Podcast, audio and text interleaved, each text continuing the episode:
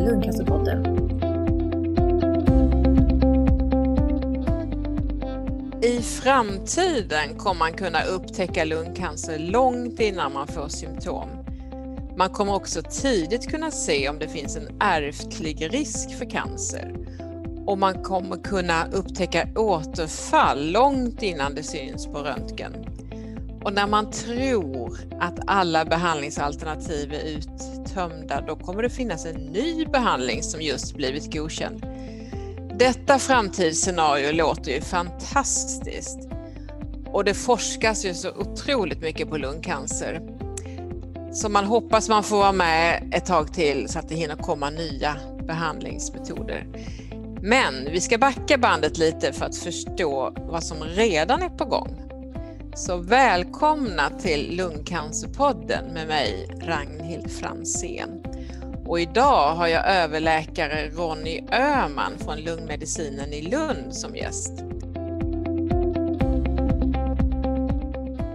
Du ska hjälpa oss att förklara lite av allt det nya. Välkommen hit! Ja, tack, tack. Ronny, berätta lite kort om vem du är och vad du jobbar med. Jag jobbar då alltså på Skånes universitetssjukhus i Lund och har varit där nu i 16 år. Men jag är ursprungligen från Gotland och det hörs väl kanske ännu. Ja, det är bra. Och jag sysslar då mest med lungcancerbehandling faktiskt. Jag är medicinskt ansvarig för vår behandlingsenhet där vi har ja, ungefär 600 patienter just nu inskrivna och det rullar på varje dag med 15-20 behandlingar plus att vi har ju många patienter som får olika typer av tablettbehandlingar. Så att det är fullt att göra alla dagar i princip. Vad gör du när du inte är på jobbet? Ja, jag har ett stort hus som kräver en del omvårdnad så att det pysslar jag med och sen försöker jag komma igång och spela golf igen, vilket jag har haft mm. Paus med i 15 år. Och hjälp! Men nu så ska jag få igång det där igen och försöka göra något annat ibland. Vad härligt. Om vi tar det lite basic från början så orsakas cancer av att gener i arvsmassan, alltså vårt DNA, förändras och inte fungerar som det ska. Och de börjar dela sig ohämmat i den sjuka cellen och efter ett tag bildas en klump som kallas tumör. Men är det alltid så att en förändrad gen innebär cancer? Nej, inte alls, utan i de allra flesta fall så är det så att det inte blir cancer av det hela. Vi tror ju att det sker förändringar i cellernas arvsmassa, det som kallas för DNA, i princip kontinuerligt varje dag. I de allra flesta fall så får det ingen som helst konsekvens. Kroppen har ju reservsystem som känner igen det där och många celler eh, dör helt enkelt när förändringarna blir så pass allvarlig att den inte kan fungera. Så det är ganska ovanligt att det uppstår cancer det är kanske en på miljonen av de eh, förändringar som sker ständigt eller kanske ännu mer sällan. Varför det uppstår cancer i sådana speciella situationer, det är ju det som är den stora frågan som ingen tar svar på. Men förändringar, det sker varje dag, det vet man med säkerhet. Okej, det kan vi ha med oss kanske här framöver i intervjun, att det inte alltid blir cancer av genförändringar. Men när man nu har fått en diagnos att man har fått lungcancer så är det ju biopsin, alltså vävnadsprovet som man tar på tumör och lymfkörtlar. Och det gör man ju med en bronkoskopi. Det är den viktigaste metoden för att se vilken genförändring mutation man har då för att kunna få rätt behandling. Och givetvis får man göra lungröntgen och datortomografi och PET också. Men hur många genetiska förändringar kan man upptäcka vid en bronkoskopi? Ja, alltså det är ju ganska många. Nu är det så att laboratorier har ju förmåga att analysera olika saker, men det där utvecklas ju hela tiden. Men fortfarande är det ju så att cancerdiagnosen i sig vilar på inte egentligen genetiska förändringar utan hur cellerna ser ut i mikroskopet. Fortfarande utgår ju cancerdiagnosen ifrån att det finns cellförändringar som man kan identifiera i mikroskopisk undersökning. Och det är fortfarande grunden för cancerdiagnos. Sen modern patologisk eh, utredning innebär ju också att man har börjat analysera mer och mer av molekylärgenetiska förändringar i cellerna. Det vill säga inte det som man ser i mikroskopet utan man gör olika typer av laboratorietest där man då tittar på DNA. Det är det vi kommer komma in i det här programmet. Men i bronkoskopin, hur många förändringar finns det behandling för idag? Ja, det finns ju ganska många. Vi kommer väl tillbaka till det kanske, men att när man tar sånt här vävnadsprov så är det ju flera olika saker som sker på laboratoriet när provet väl kommer dit. Det första som jag sa, det är ju då att man gör undersökningar och tittar på vävnadsprov i mikroskop. Och så säger man att cellerna ser annorlunda ut, de har alltså cancerutseende. Men sen gör man andra delar och det är då den här som kallas för molekylärpatologisk undersökning när man tittar på förändringar i DNA, det vill säga genförändringar. Mm. Men det här cancerutseendet, det är sånt man upptäcker i mikroskop alltså? Ja, just det. Det är det som man har gjort i, i princip i hundra år eller mer för att kunna påvisa cancer. Det vill säga att cellerna ser annorlunda ut. De är inte friska. Cellkärnan är ofta väldigt klumpig och oregelbunden. Cellerna ser helt så annorlunda ut än friska celler och det är det som egentligen fortfarande är grunden för cancerdiagnos. Det är ju bra att upptäcka en mutation. Är det samma som en genförändring? Ja, alltså genförändring finns på flera olika sätt. Mutationer är en sån, men det finns andra som inte egentligen uppfyller definitionen på mutation. Men vi brukar säga genförändringar för att sammanfatta alla de förändringar som finns i arvsmassan. Och arvsmassan det finns då i två delar, dels det som heter DNA, men det finns också något som heter RNA. Och det kan ju då vara förändringar i båda de här två systemen som då orsakar då cancer och hur en cancer utvecklas. Men om man inte har eller hittar några mutationer för att eh, det är väl det som styr behandlingen? Ja, i viss mån finns det ju behandling riktat mot definierade cancer eller genförändringar. Men eh, cancer i sig är ju en definition att det är någonting som har ändrat sig i arvsmassan i DNA. Och det är ju någon form av genförändring som är grunden till att cancer uppstår. Det finns ju idag många målstyrda tablettbehandlingar som har en bra effekt på cancern som minskar symptomen snabbt och gör att man slipper ta cytostatika. Och det är jag ett exempel på att min läkare avbröt redan efter första cytostatikabehandlingen för att då hade bronkoskopin visat att jag kunde ta en målstyrd tablett istället och den har ju mycket mindre biverkningar. Men funkar det för alla med målstyrd tablettbehandling? För det första så är det ju tyvärr så att det är en minoritet av patienterna med lungcancer som har sån här genetisk typ av lungcancer som går att behandla. Men för de som har det så är ju prognosen generellt sett bättre. Det vill säga det är bättre effekt på behandling och det är ofta som du säger mindre biverkningar. Mm. Så att, men det är ju inte så att det är 100 procent, det vill säga om man påvisar att man har en sån genetisk eh, identifierbar cancer, lungcancer, så är det inte alla som svarar på behandling tyvärr. Så att, eh, men väldigt många gör det. Jag skulle säga för de flesta former kanske 80 till 90 procent som har nytta av den tablettbehandling som vi ofta sätter in då. Så man använder inte cytostatika lika mycket längre eller? Inte för dessa patienter utan där vi kan identifiera att man har en sån typ av sjukdom där det finns läkemedel designade till just den typen av sjukdom, då brukar vi i första hand prova den typen av behandling. Och då i så fall får cellgiftbehandling och sånt vänta till senare skeden när det kanske har uppstått resistens. Okej, okay. eller att ni har den som adjuvant, alltså förebyggande efter operation. Ja, det finns ju också då. Det mm. kommer ju nu då på vissa former att man kan efter en operation sätta in en tablettbehandling som man tar under en begränsad tid. Okay. Två, tre år eller så. Sen kan man avsluta det. Kan du förklara lite kort hur man använder en PET-röntgen?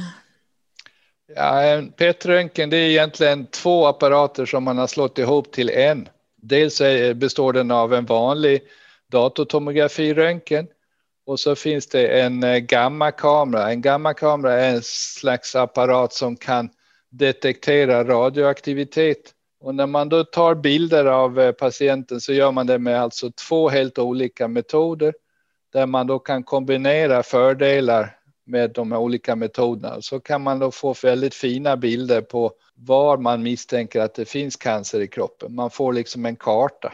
Men grunden för det är att man använder en speciell typ av kontrast som i praktiken består av socker, radioaktivt socker.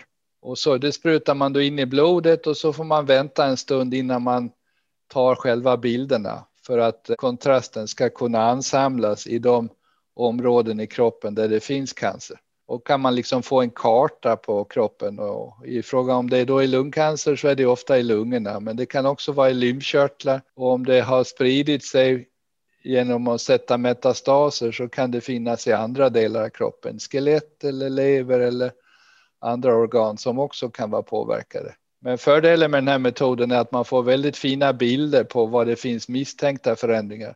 Sen måste man ofta verifiera det här med andra metoder, att det verkligen är cancer. För allt som lyser på bilderna är ju inte cancer, utan det kan finnas andra förklaringar också. Men vad jag fattar kan man bara upptäcka en tumörmarkör i taget, en förändring? Ja, den här kontrasten som man använder, det finns lite olika sådana, men den vanligaste den kallas för FDG och det är egentligen radioaktivt socker. Och socker det är ju mat för kroppens celler och cancerceller har ju ofta en väldigt högt uppdriven ämnesomsättning och de gillar socker. Så därför tar då cancerceller ofta upp den här kontrasten och det är det som man då kan utnyttja för att få bilder på kroppen och se var kontrasten ansamlas som då ger en misstanke om att där kan det finnas cancerförändringar. Men att man eh, skulle kunna använda olika isotoper? Mm. Det finns redan en del sådana och de som används mest idag de används ju framför allt i diagnostiskt syfte, det vill säga när man letar efter om det finns cancer eller inte. Sen finns det andra isotoper där man exempelvis skulle kunna ha bättre nytta av när man ska utvärdera en behandling där fungerar det här sockerkontrasten egentligen inte särskilt bra, utan då skulle vi behöva ha andra kontrastmedel som bättre påvisar om en behandling gör nytta eller inte. Okej, okay, och detta är någonting som är på gång eller något som används? Ja, ja det är på gång. Det är inte riktigt etablerat ännu, utan framför allt används PET-undersökningar vid nydiagnostik, det vill säga när man har misstanke om att det finns cancer och exempelvis lungcancer. Då. Men just för utvärdering av olika behandlingar, där har man inte hunnit riktigt lika långt. Men det är på gång och det tillhör den nära framtiden att det kommer att bli en utveckling på det området. Hittills har ju behandlingen för lungcancer varit operation, cytostatika, strålning, medicinsk behandling och immunterapi. Men på grund av lite det vi har pratat om, ny kunskap om våra gener och den snabba teknikutvecklingen som också har gett nya diagnostiska metoder, så har den så kallade precisionsmedicinen börjat användas. Vad är det som är nytt med precisionsmedicin och när använder ni det? Ja, det är ju detta med att man kan ha läkemedel som är riktade specifikt mot en genetisk förändring i cancercellerna. Och det här har ju då lite olika namn, målstyrd behandling och sen ju fler sådana här genetiska förändringar vi kan påvisa och där det också kommer läkemedel som man kan behandla så har man börjat prata om detta med precisionsmedicin istället för det som vi tidigare eller fortfarande använder som kallas för målriktad behandling. Så det är lite samma sak fast man har ny analysteknik? Ja, man kan säga att eh, laboratoriemetoderna utvecklas så att man kan påvisa fler och fler sådana här olika genetiska förändringar i cellerna som i sin tur sen kan vara underlag för att utveckla läkemedel mot just de typer av förändringar. Är det viktigare att bromsa sjukdomen än att bota idag? Ja, vi vill ju naturligtvis bota om vi kan, men tyvärr är det ju inte så många situationer där man kan bota. Fortfarande är det ju så att det är kirurgi, operation som är den huvudsakliga möjligheten till att bli botad, det vill säga att cancern är borta för alltid. I de allra flesta fall där vi använder läkemedel så är det ju kronisk behandling det vill säga vi botar inte sjukdomen, men vi försöker hitta en behandling som kan få sjukdomen under kontroll så att man kan leva ett bra liv. Men sjukdomsdiagnosen finns ju kvar. Har du några exempel på hur länge man kan leva med de här tablettmetoderna? Ja, vi har många patienter som har levt i flera år. Eh, fem år finns det många som gör och det finns de som har levt upp mot sju, åtta, tio år. De här tablettmedicinerna som vi använder nu har ju inte funnits så jättemånga år. Så att Nej, precis. Det, med Man är med. Ja, så långtidsuppföljning det är en pågående process. Ja. Men, men det är uppenbart så att det finns många som kan ha bra nytta av de här läkemedlen och kan få kontroll på sin sjukdom under lång tid. Och det är väldigt roligt att få jobba med det förstås. Men som alltid så finns det ju en risk för resistensutveckling, det vill säga att en behandling som fungerar väldigt bra i början förr eller senare kan börja svikta och då brukar vi kalla att resistens har uppstått. Och det har skett någon form av förändring som gör att ett läkemedel som tidigare fungerade väldigt väl för att kontrollera sjukdomen inte längre har den förmågan. Och då kanske inte finns något nytt läkemedel? Om man har det är ju alltid förhoppningen att vi då kan byta till någonting annat med lika bra effekt som fungerar i nästa behandlingsomgång. Men det som inte riktigt då hänger med i den här precisionsmedicinen är själva testmetoderna som då visar för vem ett läkemedel är den bästa behandlingen. Varför är det så?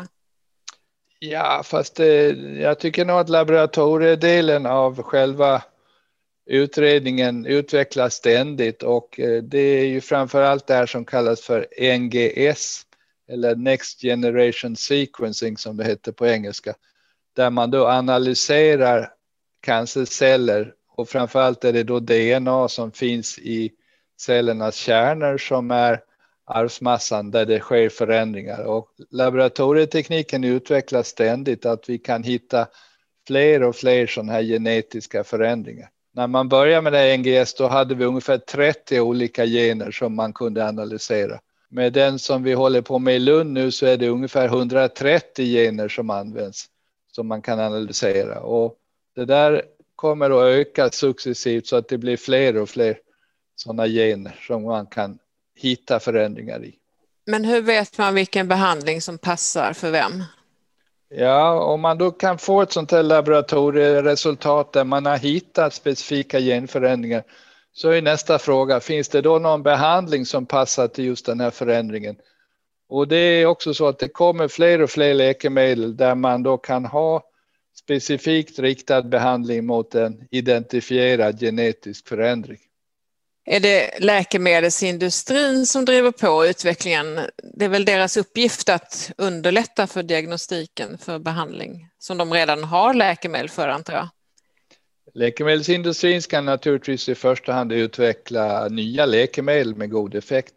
Men för att man ska kunna använda dem på ett korrekt sätt så gäller det också att hitta patienterna som är lämpade för just det läkemedlet och då är det ju viktigt att både läkemedelsföretagen tillsammans med laboratorier på sjukhusen kan hitta metoder för att påvisa vilka patienter som passar för en viss typ av behandling.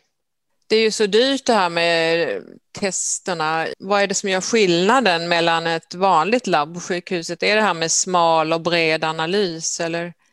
Ja, framför allt är det ju då hur många sådana olika områden av DNA man kan analysera. På eh, universitetssjukhuset i Lund så laboratoriet som då har sin standardtest idag så är det ungefär 130 gener. Men sen finns det då kommersiella laboratorier som gör liknande tester som är mer omfattande. Och den som framför allt finns tillgänglig i Sverige idag, den analyserar 320 gener. Så att det, det är tre gånger så många som innefattas i universitetssjukhusets laboratorier i deras standardmetod idag. Men det är klart, den har ju också ett pris och det gör ju att vi kan inte skicka prov på alla patienter. Det blir helt enkelt för dyrt. Vi har inte budget för det, men att eh, på enstaka patienter så kan vi utnyttja. Är det när ni kör eh, fast? Det är väl det som vi försöker hitta nu. Vem, vilka patienter är det värt att ta den här kostnaden för? Och framför allt har vi väl just nu hittat tre olika typer av patientgrupper som vi tror att den här kommersiella testen faktiskt kan vara värt priset. Okej, vilka är det då?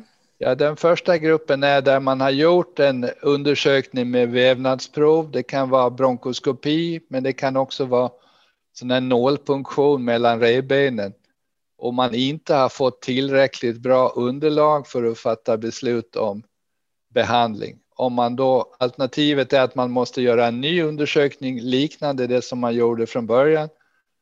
Eller om man då istället kan ta ett blodprov och på så vis få ett bättre underlag för att välja rätt behandling. Då kan det här blodprovskostnaden kanske vara värt priset eftersom att göra en ny bronkoskopi är ju inte alldeles gratis det heller. Men alltså själva det här blodprovet som man då tar och som man sen kan analysera genom den här tumörgenetiska blodanalysen, det är ju väldigt enkelt förfarande antar jag. Men varför är det så lätt att se genförändringar i blodet? Ja, det är inte lätt, det är ganska svårt därför att det är väldigt små mängder material som finns. Blodet cirkulerar ju runt i kroppen och det är ju en spegel av allt som händer i kroppen. Om man har en cancersjukdom så är det så att cancerceller ofta spricker sönder och då läcker det ut DNA, det vill säga arvsmassa som finns i cancercellerna i blodbanan. Och då kan man ibland fånga det med hjälp av blodprov och kunna påvisa det här som kallas för cirkulerande DNA i blodet. Det är det som man använder i den här testen. Men det är inte lätt. Det är väldigt svårt och det är avancerad laboratorieverksamhet för att kunna få det här att fungera. Vad är egentligen en biomarkör? En biomarkör det är ett prov där man på något sätt kan förutsäga om en behandling kan göra nytta eller inte. Och det finns flera sådana, men eh, det finns ingen som är hundraprocentig, det vill säga man kan inte med säkerhet säga att för att ett sådant här biomarkörprov har utfallit att man verkligen kommer att ha nytta av en viss behandling. Men det vägleder och hjälper till för att välja rätt behandling. Okej. Okay. Vad kan då ett blodprov säga som ett vävnadsprov inte gör? Ja, de är ju lite kompletterande till varandra. Det är egentligen samma saker vi analyserar, det vill säga DNA som finns inuti cancerceller. Det kan man fånga antingen med hjälp av en biopsi men man kan också i vissa fall fånga det med hjälp av ett blodprov. Men i grunden är det samma material. Det kommer från cancercellernas kärnor. Och det är det vi vill åt för att kunna veta mer om vilka egenskaper de här cancercellerna har så att vi också kan ta ställning till vilken behandling vi tror är mest lämpad. Det låter ju så mycket enklare bara för en patient att eh, ta blodprov men jag förstår att det är mer komplicerat då att eh, analysera. Det är avancerad teknik för att kunna hitta de här väldigt små mängderna som finns i blodprovet. Men när det fungerar är det en fantastisk eh, elegant teknik som ju självklart har framtiden för sig. Och utvecklingen går med rasande fart så att det, det här är ju verklighet redan idag men det här kommer naturligtvis att utvecklas mer allt eftersom tiden går där man kan säga mer och mer utifrån ett enkelt blodprov. Men det tas inte på alla patienter idag, eller? Nej, det gör vi inte därför att dels är det en kostnadsfråga och dels är det en resursfråga. Det här är ju så att även om man har pengarna så ska det ju till särskilt utbildade medarbetare på laboratoriet som kan ta hand om proven på rätt sätt eftersom det här är väldigt känsligt om det blir fel för då får man inte ut någon information alls. Kan du säga ett överslag hur mycket procent, hur många tar ni? Eh, ja, I dagsläget så är det så att det som finns uppsatt som rutin är egentligen inte så mycket vid första diagnosen utan det som framför allt används idag det är när det uppstår resistens emot olika läkemedel. Då försöker vi kartlägga det, vad det är som har hänt som gör att en behandling som tidigare fungerade bra plötsligt slutar att fungera. Okej, okay. när jag har tagit det en gång när jag skulle byta behandling så det kanske... Ja, så att resistens, alltså när det uppstår eh, förändringar som gör att en behandling slutar fungera, då försöker vi i många fall använda blodprovstekniken för att påvisa vad det är som har hänt. Men man tar inte det liksom i förebyggande syfte för att eh, kolla om man har fått ett återfall eller så? Den tanken är också under utveckling att man ska kunna följa prov eh, kontinuerligt för att se innan man ser att det finns ökande sjukdomsaktivitet på röntgen, att man kan se det i blodet innan det syns på röntgen. Vi är inte riktigt där ännu, men förhoppningsvis är det en möjlighet som ligger i nära framtid. Vilken nytta är det för patienten då med blodprov? Finns det alltid behandlingar man kan starta? Nej, det finns ju inte alltid behandling som passar, men att det gäller ju inte missa någon heller. Så vi behöver ju använda alla de diagnostiska verktyg vi har för att kunna veta så mycket om en patient och den sjukdom som patienten har. Sen får man ju alltid komma ihåg att alla människor är olika och även den sjukdom man har. Även om vi försöker dra lärdom från andra patienter som har haft liknande sjukdom så måste man alltid ta med i bakhuvudet att varje människa är unik och också den sjukdom man har. Så man kan aldrig garantera något innan man faktiskt har svart på vitt när man exempelvis sätter igång en behandling och så får man ju utvärdera den efterhand förstås. Men det kan bli också kostnadseffektivt för samhället att det kanske blir att man lever längre och mindre sjukskrivningar och så vidare.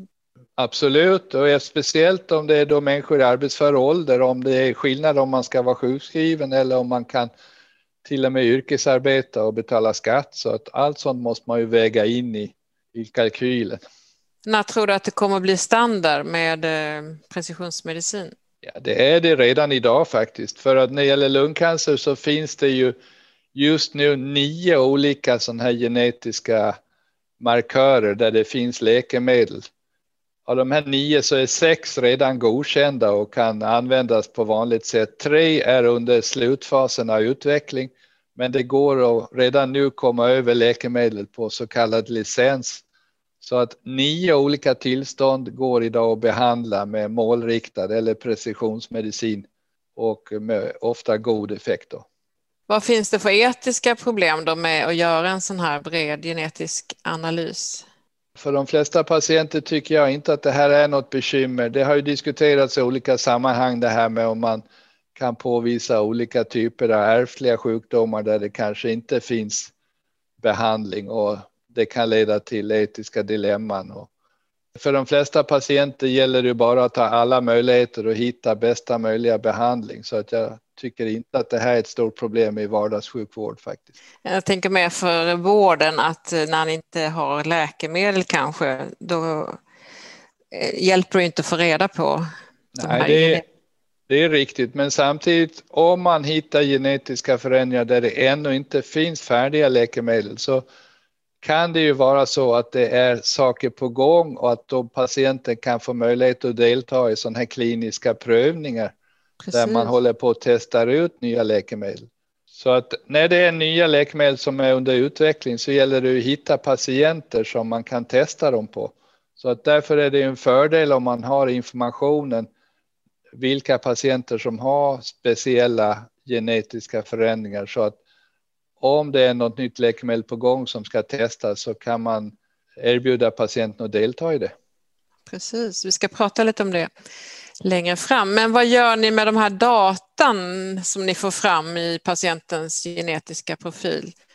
Ja, det tillhör ju patientjournalen och hanteras på det sätt som görs med all annan eh, journalinformation, det vill säga det är ju behandlande sjukvårdspersonal som har tillgång till det, men är man inte deltagande i vården så har man ju inte rätt att ta del av den informationen.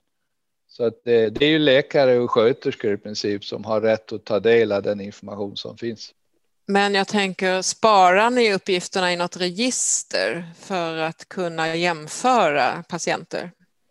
I så fall så är det avkodat. Vi rapporterar ju in till exempelvis cancerregistret, men det är ju utan eh, patientidentitet det som finns kopplat till patientens identitet är ju patientjournalen.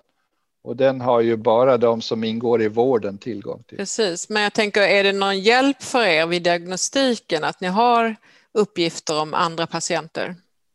Ja, det är framförallt är det ju att titta på hur vanlig en viss eh, genetisk förändring är så att man kan följa och se och lära sig om eh, nya sjukdomar. För ni får inte dela liksom patientdata, men ni kan dela det här avkodade, eller? Ja, ja.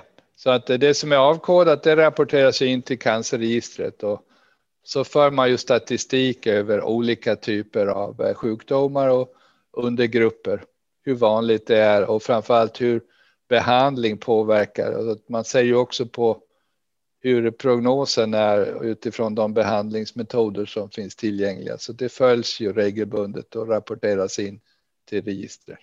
Är det så att ni delar det här regionalt också, att, eh, över hela Sverige? Ja, det är ju nationellt det här cancerregistret så att eh, det är för hela Sverige då. Hur är det med big data och AI? Är det någonting som ni använder? Ja, det har väl inte hunnit så långt. Eh, vi har faktiskt fört diskussioner med ett företag eh, när det gäller diagnostik och framförallt behandlingsalternativ. IBM har ett färdigt eh, sånt här system där man kan mata in en massa uppgifter och sen får man ut olika typer av behandlingsförslag. Det här finns i praktiken tillgängligt, men det gäller hela tiden att uppdatera det med den nya information som finns. Så att det har väl inte riktigt hittat sin plats ännu, men det kanske kommer att få en plats i vardagssjukvård inom kort. Jag skulle säga inom fem år så tror jag nog att det är inom ramen för vanlig sjukvård. Men i dagsläget är det riktigt inte det ännu faktiskt. Nej. Men det här att få jämlik vård i hela Sverige, tycker du att vi har det eller är det inte så? Nej, tyvärr är det ju inte så, utan att eh, vi har ju 21 landsting eller regioner som det numera kallas eh, och förutsättningen är ju tyvärr fortfarande så att det varierar över landet. Delvis har det med medarbetare inom vårdens intresse och förmåga att kunna snappa upp nya nymodigheter och följa utvecklingen både i Sverige men framförallt internationellt och det varierar ju. Det behöver inte innebära att om man är på ett mindre sjukhus att det alltid är sämre där. Det kan finnas enskilda Eh, medarbetare som är väldigt väl pålästa, men det är klart att på större sjukhus har man större möjligheter att profilera sig och på så vis kunna också hålla sig uppdaterad om eh, ny, nyheter som kommer ständigt.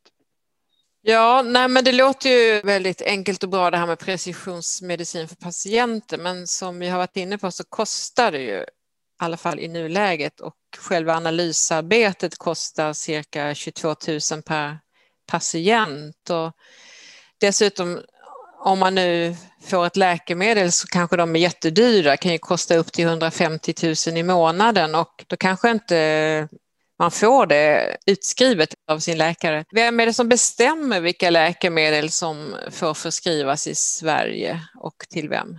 Ja, registrering av läkemedel är ju en process. Framförallt så finns det då den europeiska läkemedelsmyndigheten som heter EMA som ju då är en del av EU och också Läkemedelsverket som ligger i Uppsala som ingår i detta.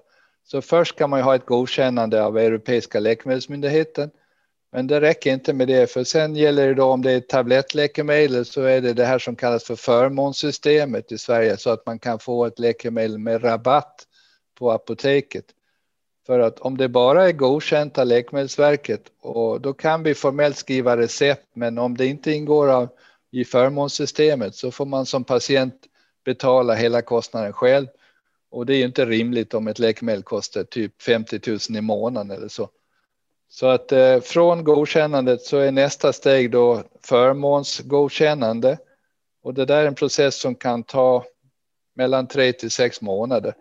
Men sen finns det ytterligare en myndighet som har intresse i detta och det är något som kallas för NT-rådet som är en eh, myndighet som tillhör eh, Sveriges regioner och landsting och kommuner som då gör bedömningar vad man tycker är prisvärda läkemedel. Och ibland kan ett läkemedel vara godkänt och tillgängligt på apotek, men det här NT-rådet säger att det här läkemedlet är för dyrt, det har vi inte råd att använda.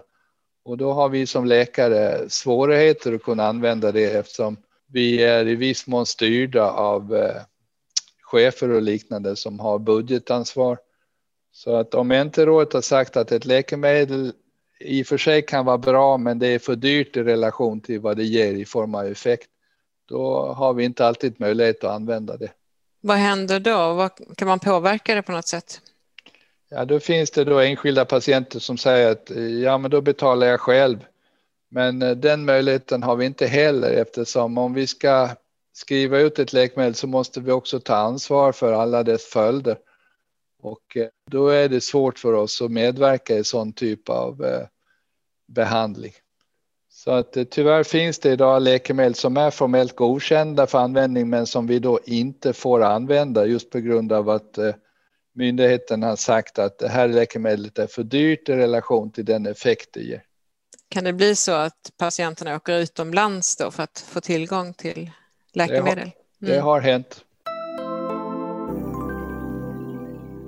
Ni har ju precis startat en studie i Skåne på 25 lungcancerpatienter vid universitetssjukhuset i Lund där blodprovstest används för att ge en bedömning då av tumörens karaktär och val av målriktad behandling. Kan du berätta lite om det? Ja, det är ju ett sätt för att kunna ta reda på hur den här blodbaserade provtagningsmöjligheten kan användas i praktiken. Och då har vi identifierat tre olika situationer där vi tror att det kan vara till nytta. Det första är det jag sa förut, när man överväger och behöver göra en ny bronkoskopi och istället för att göra en bronkoskopi till så kan man istället ta det här blodprovet och hoppas på att det svarar på frågan vilka läkemedel som kan passa. Den andra situationen är när man har så kallad EGFR positiv lungcancer och får behandling med ett läkemedel och som sen utvecklar resistens och inte fungerar. Då kan man tänka sig att ta det här blodprovet för att veta vad som har hänt och veta vilka läkemedel som kan komma i fråga som nästa behandling. Den tredje sjukdomstillståndet där vi tror att det kan ha en plats, det är den här tillståndet som kallas för ALK-positiv lungcancer som också är möjligt att behandla med tablettläkemedel. Och där finns det just nu fem olika läkemedel tillgängliga. Och eh, då kan ett sånt här blodprov ibland vara till fördel för att kunna veta vilket av de här fem läkemedlen som eh, har störst chans att kunna hjälpa. Hur har ni valt ut de här patienterna då? Det här har precis börjat så att vi har egentligen bara tagit prov på en eller två patienter än så länge så att det kommer att pågå åtminstone ett år framåt Då, så att vi har precis inlett det här så att vi får väl utvärdera det när vi har fått möjlighet att ta prov på ett antal patienter och se i vilka situationer tror vi att det här blodprovstestet kan tillföra information som kan vara till nytta. Så det här är ur eh, diagnostiskt syfte att eh, vägleda för framtiden eller? Ja, det är för att kunna vägleda för vilken behandling vi ska erbjuda patienten och förhoppningen är ju då att vi väljer den bästa behandlingen och att vi kan få hjälpa det här blodprovet och välja den behandling vi tror har störst chans att göra nytta. Den mer eh, avancerade genanalysen görs ju inom forskningsprojekt i så kallade studier. Vad är det man kan åstadkomma med en studie? Det är väl att man samlar en grupp patienter med liknande typ av sjukdom och så har man ofta då två grupper. En som får det som är mer så kallad standardbehandling, det som vi använder just nu. Och så jämför man den gruppen med den andra gruppen som får någon form av experimentell behandling. Det kan vara ett helt annat läkemedel, men det kan också vara att man lägger till ett läkemedel till det som kontrollgruppen får. Men man brukar ofta ha två olika grupper och så jämför man hur de här två grupperna resultatet av behandling, de två olika typer av behandling som ingår i försöket. Och så får man utvärdera det här och se om den experimentella är bättre när det gäller effekt på sjukdom. Men det kan också vara så att eh, biverkningar har betydelse. Så vid utprovning av nya läkemedel eller kombinationer av läkemedel så är det dels att titta på behandlingseffekten. Är den nya behandlingen bättre än den gamla? Men det är också så att man behöver titta på biverkningar. Även om en behandling är bättre så kan priset för det ibland vara högt på så vis att det uppstår biverkningar som ibland kan vara besvärliga att hantera. Är det alltid läkemedelsindustrin som ligger bakom en studie eller? Nej, de har ju ofta ansvar för när de tar fram nya läkemedel, men ibland så testar vi ju kombinationer av redan tillgängliga läkemedel. Och då kan det ofta vara det som kallas för prövarinitierad studie, det vill säga att det är inte läkemedelsindustrin som initierar det, utan det kan vara läkare i vanlig sjukvård som identifierar en situation där man vill prova nya kombinationer av läkemedel som redan är godkända och då kan det vara helt fritt från eh, läkemedelsindustrin att man gör det. Vilka patienter är lämpliga att medverka då? Är det en viss typ eller? historiskt eh, har det ju varit så att eh, man vill helst ha patienter som har den sjukdom som man ska undersöka men så lite andra sjukdomar som möjligt. Just på grund av att eh, man vill ha så lite störningsmoment som möjligt. Så att generellt sett så brukar det vara så att de patienter som ingår i studier är lite bättre och har lite mindre andra sjukdomar än så som det ser ut i sjukvården när det gäller lungcancervård allmänt. Är det ofta också att det blir som en sista, ett sista försök när allt annat är uttömt? Om man hamnar i den situationen att man inte har så mycket godkända eh, behandlingsalternativ kvar, då är det naturligtvis så att både patient och vi som vårdgivare är benägna att ta lite större risker, det vill säga exempelvis risk för biverkningar. Toleransen för det är ju då större när man inte har så mycket andra alternativ kvar. Så att eh, självklart är det så att om man inte har så mycket annat att välja på så är man naturligtvis ofta beredd att ta risker för att kunna få en behandling som ändå har en chans att göra nytta.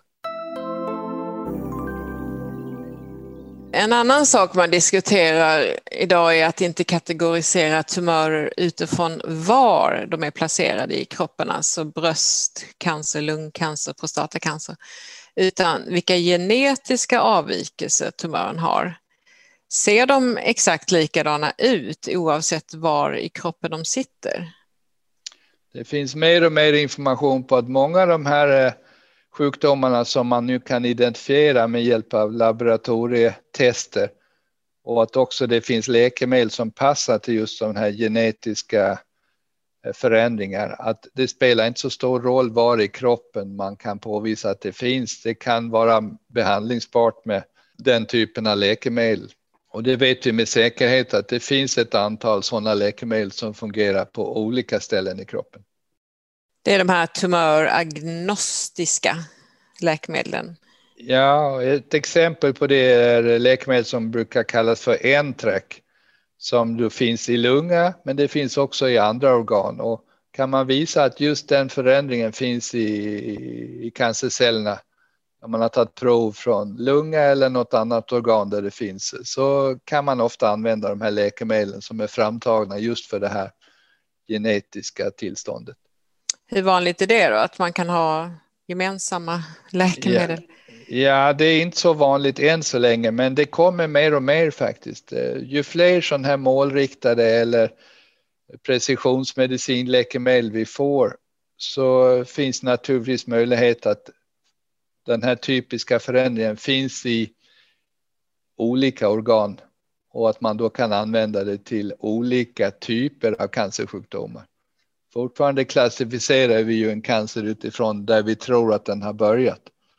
Men egentligen tror vi kanske viktigare är vilka egenskaper cancern har när man kommer till vilken behandling som vi tror kan vara bäst. Det låter ju som att det skulle bli billigare läkemedel om man kan ha samma på flera ställen? Självklart är det så att om ett eh, läkemedelsföretag ska ta fram ett läkemedel och det kan användas på många patienter så är det större chans att eh, priset kan bli lägre. Därför att då kan ju företaget få in utvecklingskostnaden genom att eh, många patienter kan få möjlighet att använda det sen med god effekt. Så att det självklart påverkar antalet patienter som kan använda ett visst läkemedel i längden priset också. Det går ju att avläsa hela människans arvsmassa på mindre än ett dygn. Är det något som ni skulle ha användning av inom lungcancerområdet? Eller är det att veta för mycket? Ja, det vet vi väl inte egentligen idag, utan nu har vi ju då börjat utöka de här NGS-testerna från, från början 30 gener och sen nu 130 och sen finns det då möjlighet att analysera 320.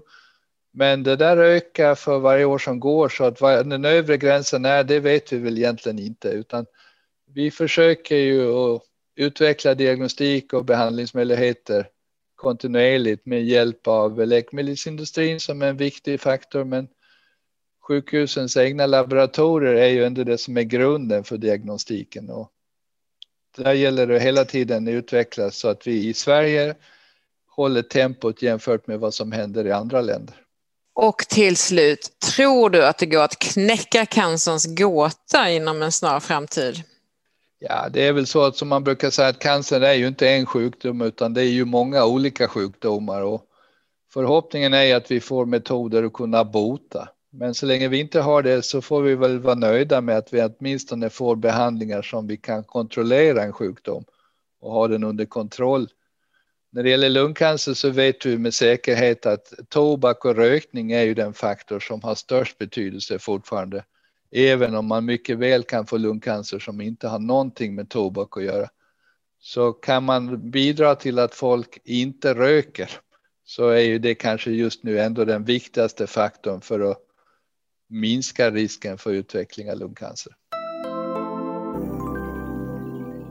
Tack för de orden Ronny och att du ville dela med dig av dina kunskaper på det här området.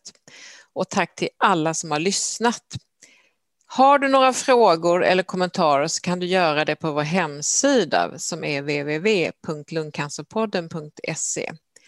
Och detta är sista avsnittet innan sommaren och jag hoppas ni alla ska få en jättefin sommar med många upplevelser och härliga bad. Och för min del har badsäsongen redan börjat. Så ta hand om er och på återhörande i höst. Hej då Ronny! Hej hej!